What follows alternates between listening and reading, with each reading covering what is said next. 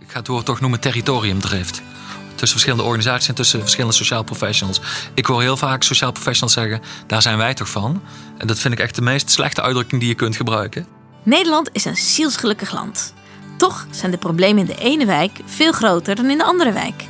Olaf Stomp en Lou Repetuur van Movisie praten in deze podcast met inwoners, sociale professionals en experts over de vraagstukken die zij tegenkomen en antwoorden die zij bedenken. Rode draad in onze gesprekken is de sociale basis, een term die terug is van weg geweest. Ook wel te omschrijven als het weefsel of cement van de samenleving. Aan tafel hebben we Thijs van Mierlo, directeur van het LSA, Landelijk Samenwerkingsverband Actieve Bewoners. Welkom. Dankjewel. En uh, Radboud Engbersen, expert sociaal domein van Movisie. Vandaag gaan we het met jullie hebben over wanneer is een wijk eigenlijk sterk. En uh, ik wilde beginnen met een voorbeeld. Afgelopen week sprak ik een wethouder die een, uh, een, een huis, een voorziening wilde voor mensen uit de GGZ in een wijk. Nou, de wijk in Rep en Roer, die wilde dat niet.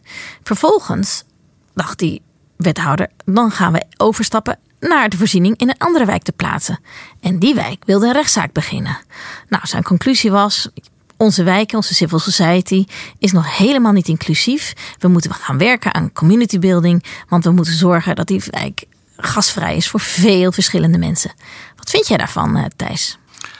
Ja, bijzonder, maar ook wel herkenbaar. Ik hoor het uit een heel aantal gemeentes meer terug ook.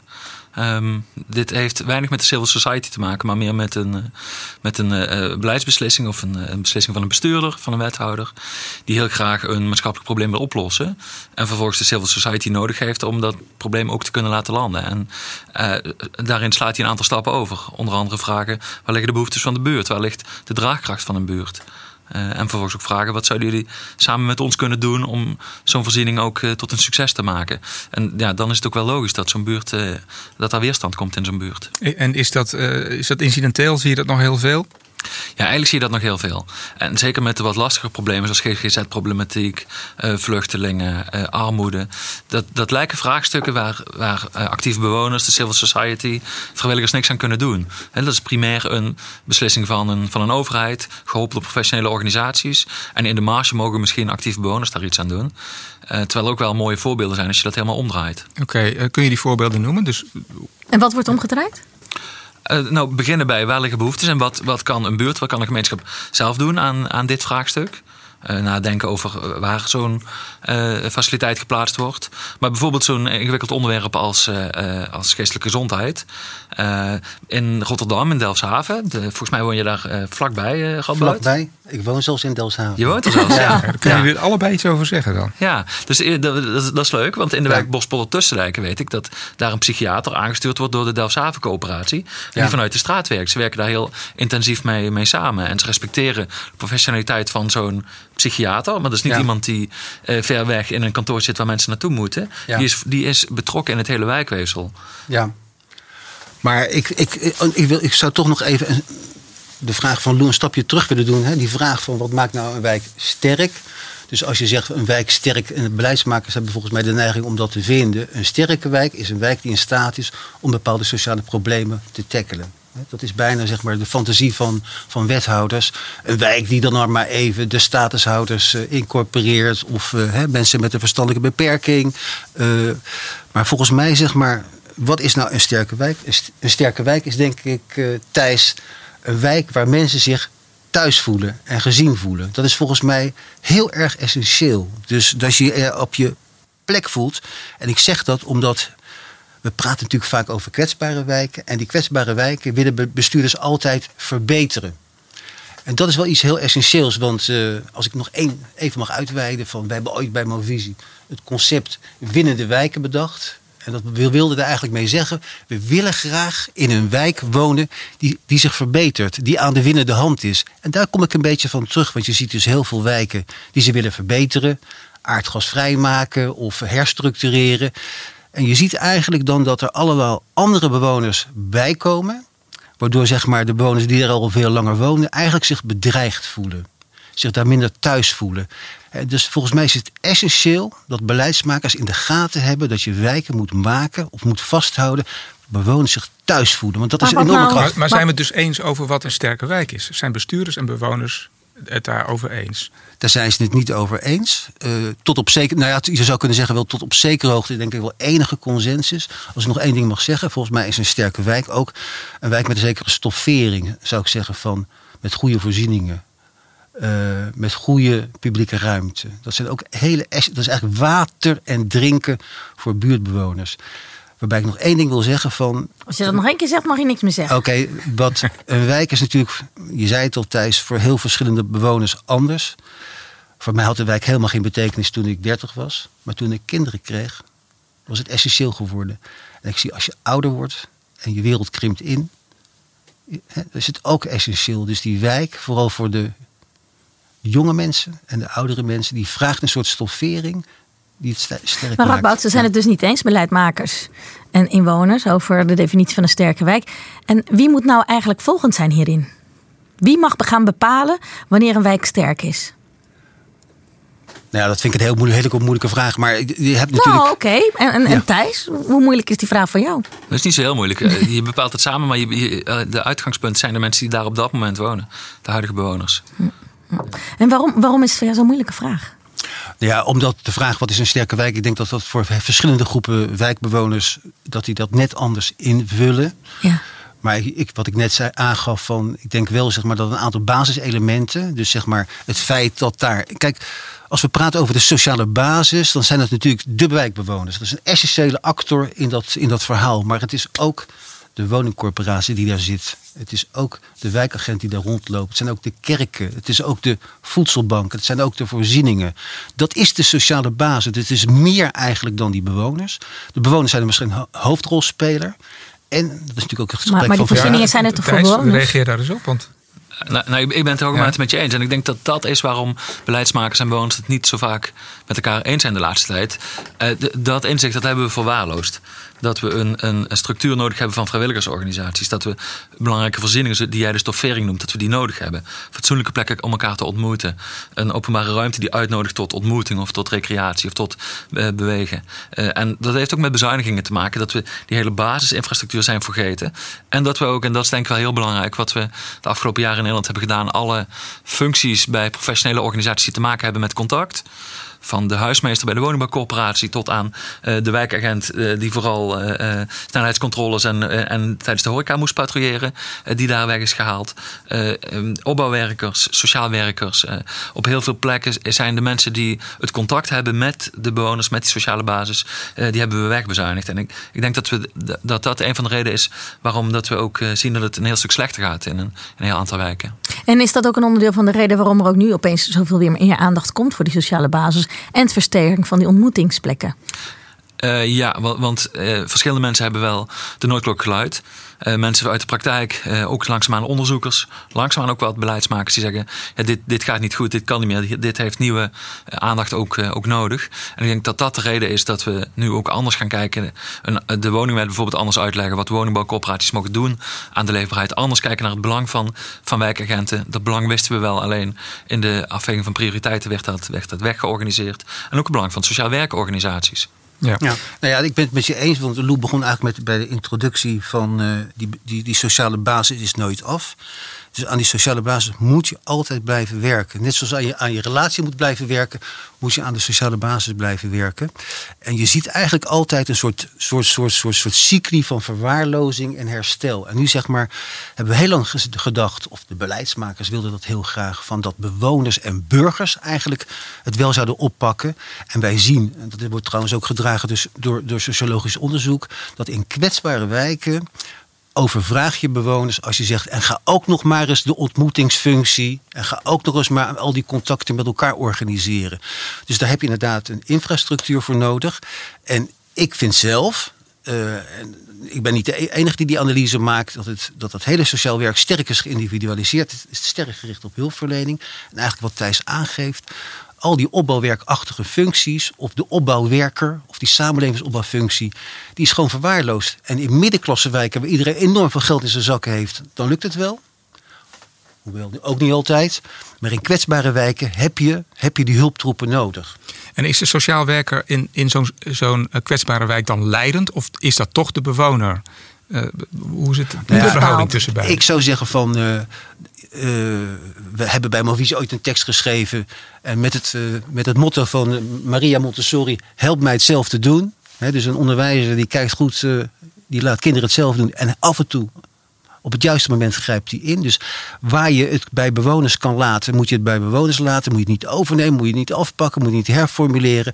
Moet je er heel erg goed bij aansluiten. Dus zij zijn leidend.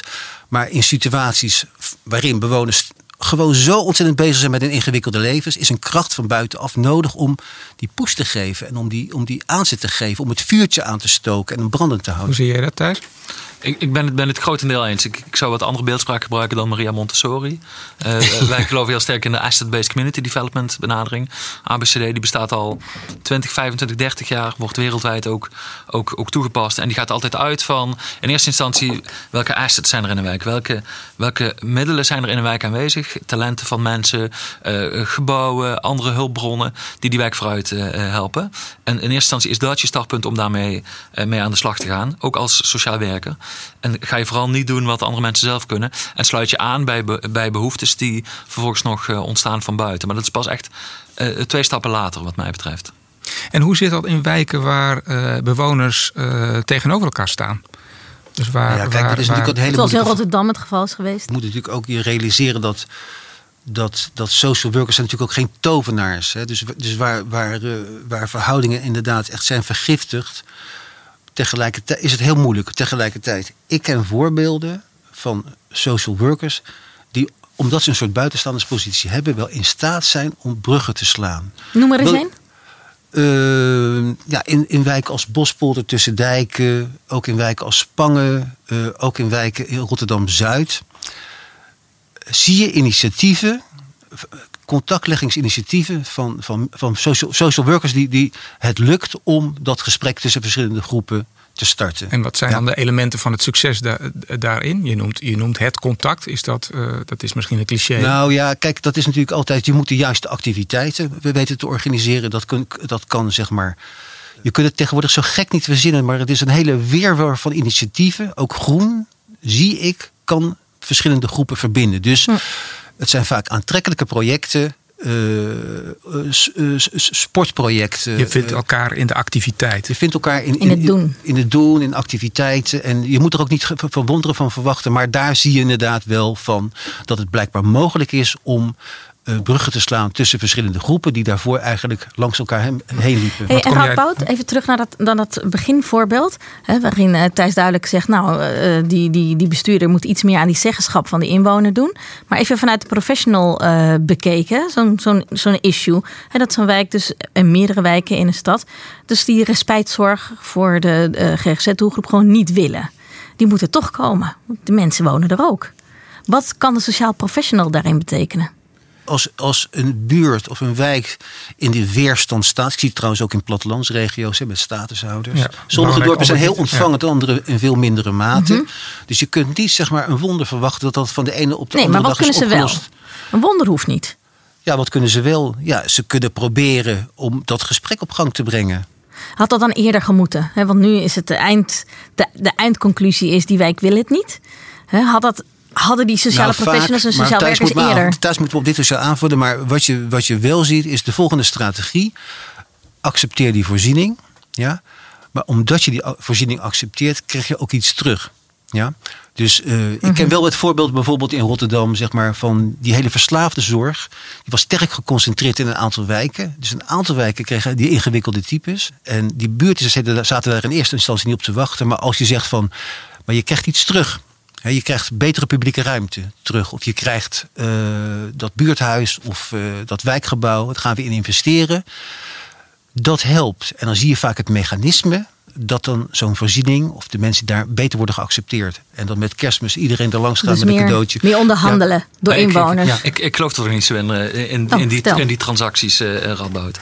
Dat sta- staat ook een beetje haaks op wat je eerder zei. Dat mensen primair heel fijn willen wonen ergens. Zich veilig voelen, zich geborgen voelen. Eh, dat, dat komt voor niet hoeven vechten voor je eigen, voor je eigen rust. Eh, dus dat, dat koop je niet af met betere openbare ruimte of een, of een, of een buurthuis. Volgens mij Hoe dan wel? ja, volgens mij wat een wethouder zou moeten doen, en dat kan niet aan een sociaal werker vragen, kunnen we nog eens even een stap terug en alle belangen op tafel leggen. Ook van degenen die er wat minder goed kunnen verwoorden, helpt daarbij. Dat is denk ik de rol ook voor een sociaal werker of voor een andere intermediair, dat ook een bewonersgroep zou, zou kunnen zijn. Laten we even teruggaan en alle belangen op tafel leggen. En het vraagstuk is heel goed eh, bekijken waar zitten, waar zitten zorgen. Die koop je niet af door daar iets anders voor, voor terug te geven. Hè? Het kind dat verdrietig is een, een cadeautje geven, dat helpt lang niet altijd, want dan doe je niks aan dat, aan dat verdriet. Ja, Eh, nou, dus dus doe- daar- op- Doe daar iets mee Ja. en voer dat goede gesprek. En kijk wanneer is zo'n voorziening acceptabel voor iedereen. Ja, nou oké, ik vind dat, dat je me terecht eh, wijst op dat punt. Maar het woord afkopen vind ik ook een beetje ongelukkig als je dat gebruikt. Want vaak is het zo dat mensen het gevoel hebben van... eh, eh, het is al ingewikkeld in mijn wijk en dan wordt er een ingewikkelde voorziening nog eens inge wordt nog ingewikkelder. Dus als ze het gevoel hebben van die gemeente heeft er ook oog voor mijn wijk en is bereid te investeren, zijn ze volgens mij geneigd om die groep wat, ma- wat makkelijker te accepteren. Deel mee met- je interventie. Ik wil er wel op wijzen, bij de SEF hadden wij het volgende fenomeen. De introductie van de skieverhuizen in Nederland. Dus dat waren eigenlijk mensen die voor grote overlast verzorgden in wijken. En die niet in staat wijken en wijken te functioneren. En dus in die skieverhuizen, huizen voor gekke mensen. Op zeven of acht plaatsen, zeg maar, eh, eh, geïntroduceerd. Vaak een soort woonachtige containers. En in elke gemeente en in elke wijk, ik heb het vaak me- meegemaakt, was het een enorm ge- gevecht. Niemand wilde ze hebben. En daar zag je toch wel van door, eh, behalve het gesprek aan te gaan, eh, dat het werd geaccepteerd. Tegelijkertijd moet je ook soms zeggen dat bewoners eh, soms onredelijk en heel erg conservatief kunnen zijn. Hè. Dus we moeten ook bewoners niet op de, op de troon zetten en, en zeggen van jullie, eh, jullie zijn de grote helden. Het zijn net mensen. Ja, ja. Het zijn net mensen, dat wil ik ook maar zeggen. Want, want hoe Ja. homogeen zijn. Je, je hebt het, eh, Thijs, je zei net, van, eh, zorg dat alle belangen op tafel komen te liggen. Maar ik kan me ook voorstellen dat eh, de belangen van, van eh, bewoners niet altijd even homogeen zijn. Dus dat daar ook licht tussen zit. Ja, nee, dat is Ja, maar, absoluut dat, maar dat is een open deur. Kom on. Ja, maar, de- maar hoe ga je daarmee om? Maar daarom zeg ik juist ook alle belangen aan tafel. Dus eh, zowel de mensen die zeggen van, oh, de- eh, nou, we kunnen een mooie deal maken, want dan krijgen we een buurthuis. Hè, De, de bewonersorganisatie bijvoorbeeld. Maar ook de mensen die, eh, die in die straat wonen en die, die bang zijn voor wat er gaat gebeuren. Of die, die, die zich niet meer prettig voelen in hun eigen wijk. Of, dus dat betekent ook alle belangen. Dus ook alle belangen van, van verschillende ehm, mensen in zo'n wijk. Ja, belangen op tafel. En dan? Daar het goede gesprek en kijken wanneer is dit acceptabel voor ons. Ehm, dus niet van bovenaf een interventie en zo ziet deze interventie eruit. Zo, zit, zo ziet deze voorziening eruit. Deze woonvoorziening, zoveel mensen. Eh, het- van zo laat tot zo laat zijn de deuren open. En volgens mij kun je daar heel goed met elkaar over, eh, over in gesprek. Maar mag ik dan even een beetje de elementen die jullie tot nu toe genoemd hebben over waar moet een sterke wijk aan voldoen? Hè, de mensen moeten zich er thuis voelen. Dat Ja, je moet heel het duidelijk gevoel zeggen. hebben dat je, dat je eigenlijk zeg maar, eh, er niet meer in past. Of dat je er. Dat, je, is heel belangrijk, hè, van dat, je, dat je op een gegeven moment bedreigd voelt. Hè. Er zijn verschillende Ja, ja. voorbeelden te geven van mensen die, die zich eigenlijk bedreigd voelen. En denken van ja, ik, hoor hier eigenlijk, ik mag hier eigenlijk niet meer zijn. Dat is een heel slecht gevoel. Mensen moeten zich er thuis Ja. voelen. Tweede element die ik jullie hoorde zeggen. Mensen hebben wel zeggenschap nodig over wat er in met hun wijk gaat gebeuren. Hè, en niet dus een, een, een besluit over zich heen eh, krijgen. Maar moeten daar wat zeggenschap over krijgen. Er moeten voldoende en goede voorzieningen eh, zijn in een wijk. En er moet ruimte voor dialoog en ontmoeting zijn. Mis ik er één? Mis ik een element die jullie genoemd hebben? Nou, ik zei, nog, eh, ik zei net van je moet ook oppassen soms om die bewoner eigenlijk eh, soms te idealiseren. Ik zeg niet dat Thijs dat doet hoor, maar, maar ook die, die sociale, ze kan ook kritisch naar die sociale professional kijken, vind ik soms. Want in het verleden vind ik wel eens, van, we hebben het net over het wijkweefsel, dat sociale professionals vaak onvoldoende zicht hebben op wat er allemaal zich afspeelt in zo'n wijk. Dus eh, eh, een van mijn stokpaardjes is bijvoorbeeld omdat we in zulke we in een superdiverse samenleving eh, leven. Kijk, in Amsterdam wonen 200 nationaliteiten. Dat ze vaak onvoldoende bijvoorbeeld in de gaten hebben de rol van kerken. En Van, van, van de kringloopwinkels. Dus een sociale professional Ze moeten een betere radar ontwikkelen. een goede radar, een, een zicht hebben op dat hele, de krachtbronnen in zo'n wijk. Dus eh, dat vind ik wel essentieel. Want eh, als hij dat niet ziet, dan mist hij allerlei kansen zeg maar, om, eh, om mensen te koppelen aan die krachtbronnen. Duidelijk. Ja. Duidelijk. De laatste, dus de sociale professionals, die moet ook echt weten wat er in de wijk speelt. Is er nog iets wat jij wilt toevoegen, Thijs? Nou, da- daarop aanvullen, want dat zie ik inderdaad ook in de rol van sociaal professionals. Al dan niet ingegeven door leidinggevenden of door overheden die de opdracht daartoe geven. Dus te veel met een eigen agenda en een eigen activiteitenplan op zak gaan. En ook wel, ik, ik ga het woord toch noemen, territoriumdrift. Tussen verschillende organisaties en tussen verschillende sociaal professionals. Ik hoor heel vaak sociaal professionals zeggen: daar zijn wij toch van. En dat vind ik echt de meest slechte uitdrukking die je kunt gebruiken. Eh, want je wordt eh, hooguit door mensen uitgenodigd om mee bij te dragen en er iets voor te doen, maar jij bent daar niet van. Eh, de mensen zijn in eerste instantie daar zelf van. Hebben hun op, voor de oplossing van hun eigen probleem of de aanpak van hun eigen wijk. En je kunt nooit het alleenrecht claimen, omdat het in je beleidsplan staat dat jij bepaalde issues aan zou moeten pakken. Heren, dank jullie wel. Het was een eh, super gesprek. Ik weet dat het kort is en jullie hebben er veel meer over te vertellen. En mensen kunnen jullie opzoeken op de website van de verschillende organisaties om meer van jullie te horen. Dank jullie wel. Leuk dat je hebt geluisterd naar deze podcast van Movisie. Wil je meer horen? Ga dan naar iTunes, SoundCloud of Spotify. Als je meer wil weten over dit onderwerp, kijk dan op movisie.nl slash versterk-sociale-basis. Heb je suggesties of een vraag? Stuur dan een bericht via social media van Movisie met hashtag sociale basis.